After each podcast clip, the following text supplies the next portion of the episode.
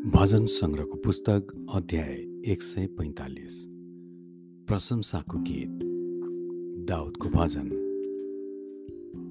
हे परमेश्वर मेरा राजा म तपाईँको नाउँ उच्च पार्दछु। म तपाईँका नाउँको सदा सर्वदा प्रशंसा गर्नेछु।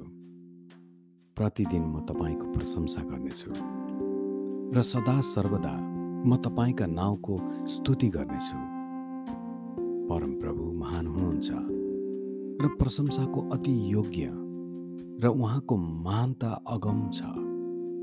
एक पुस्ताले अर्को पुस्तालाई तपाईँका कार्यको प्रशंसा गर्नेछ। तिनीहरूले तपाईँका शक्तिशाली कार्यहरूको घोषणा गर्नेछ। तिनीहरूले तपाईँको ऐश्वर्य र तेजस्वी वैभवको वर्णन गर्नेछ। र म तपाईँका आश्चर्यपूर्ण कार्यहरूमाथि चिन्तन गर्नेछु। मानिसहरूले तपाईँको महान कामहरूका शक्तिको विषयमा चर्चा गर्नेछन् र म तपाईँका महान कार्यहरूको घोषणा गर्नेछु। तिनीहरूले तपाईँको प्रचुर भलाइमा आनन्द मनाउनेछन् र तपाईँका धार्मिकताको जय जयकार गर्नेछन्। परमप्रभु अनुग्रही र टिठालो हुनुहुन्छ। क्रोध गर्नमा ढिलो र अति करुणामय हुनुहुन्छ। परमप्रभु सबैमाथि भलो हुनुहुन्छ र आफ्नो समस्त सृष्टिमाथि दया राख्नुहुन्छ।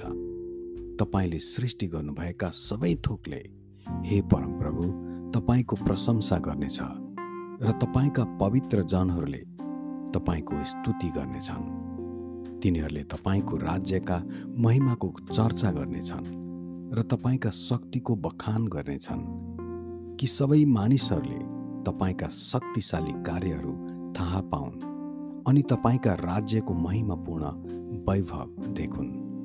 तपाईँको राज्य अनन्तको राज्य हो र तपाईँका प्रभुत्व पुस्तौँ पुस्तौँसम्म रहिरहनेछ परमप्रभु आफ्ना सबै प्रतिज्ञाहरूमा विश्वसनीय हुनुहुन्छ र आफूले रचेका सबै थोकप्रति कृपामय हुनुहुन्छ। लडेकाहरू सबैलाई परमप्रभुले सहारा दिनुहुन्छ। दबिएकाहरू सबैलाई उठाउनुहुन्छ।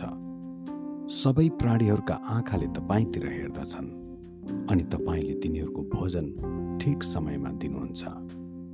तपाईँले आफ्नो मुठी खोल्नुहुन्छ र सबै प्राणीहरूका मनोरथ सन्तुष्ट पार्नुहुन्छ। परमप्रभु आफ्ना सबै मार्गमा धर्मी हुनुहुन्छ र आफूले रचेका सबै थोकप्रति कृपालु हुनुहुन्छ। परमप्रभुलाई पुकारा गर्नेहरू सबैका नजिक उहाँ हुनुहुन्छ। सबैका नजिक र ज जसले उहाँलाई सत्यतामा पुकार्दछन्। उहाँको भय मान्नेहरू सबैका मनोरथ उहाँले पुरा गर्नुहुन्छ। उहाँले तिनीहरूको पुकारा सुन्नुहुन्छ र तिनीहरूलाई बचाउनुहुन्छ। उहाँलाई प्रेम गर्ने सबैलाई परमप्रभुले रक्षा गर्नुहुन्छ। तर सबै दुष्टहरूलाई उहाँले नाश गर्नुहुनेछ।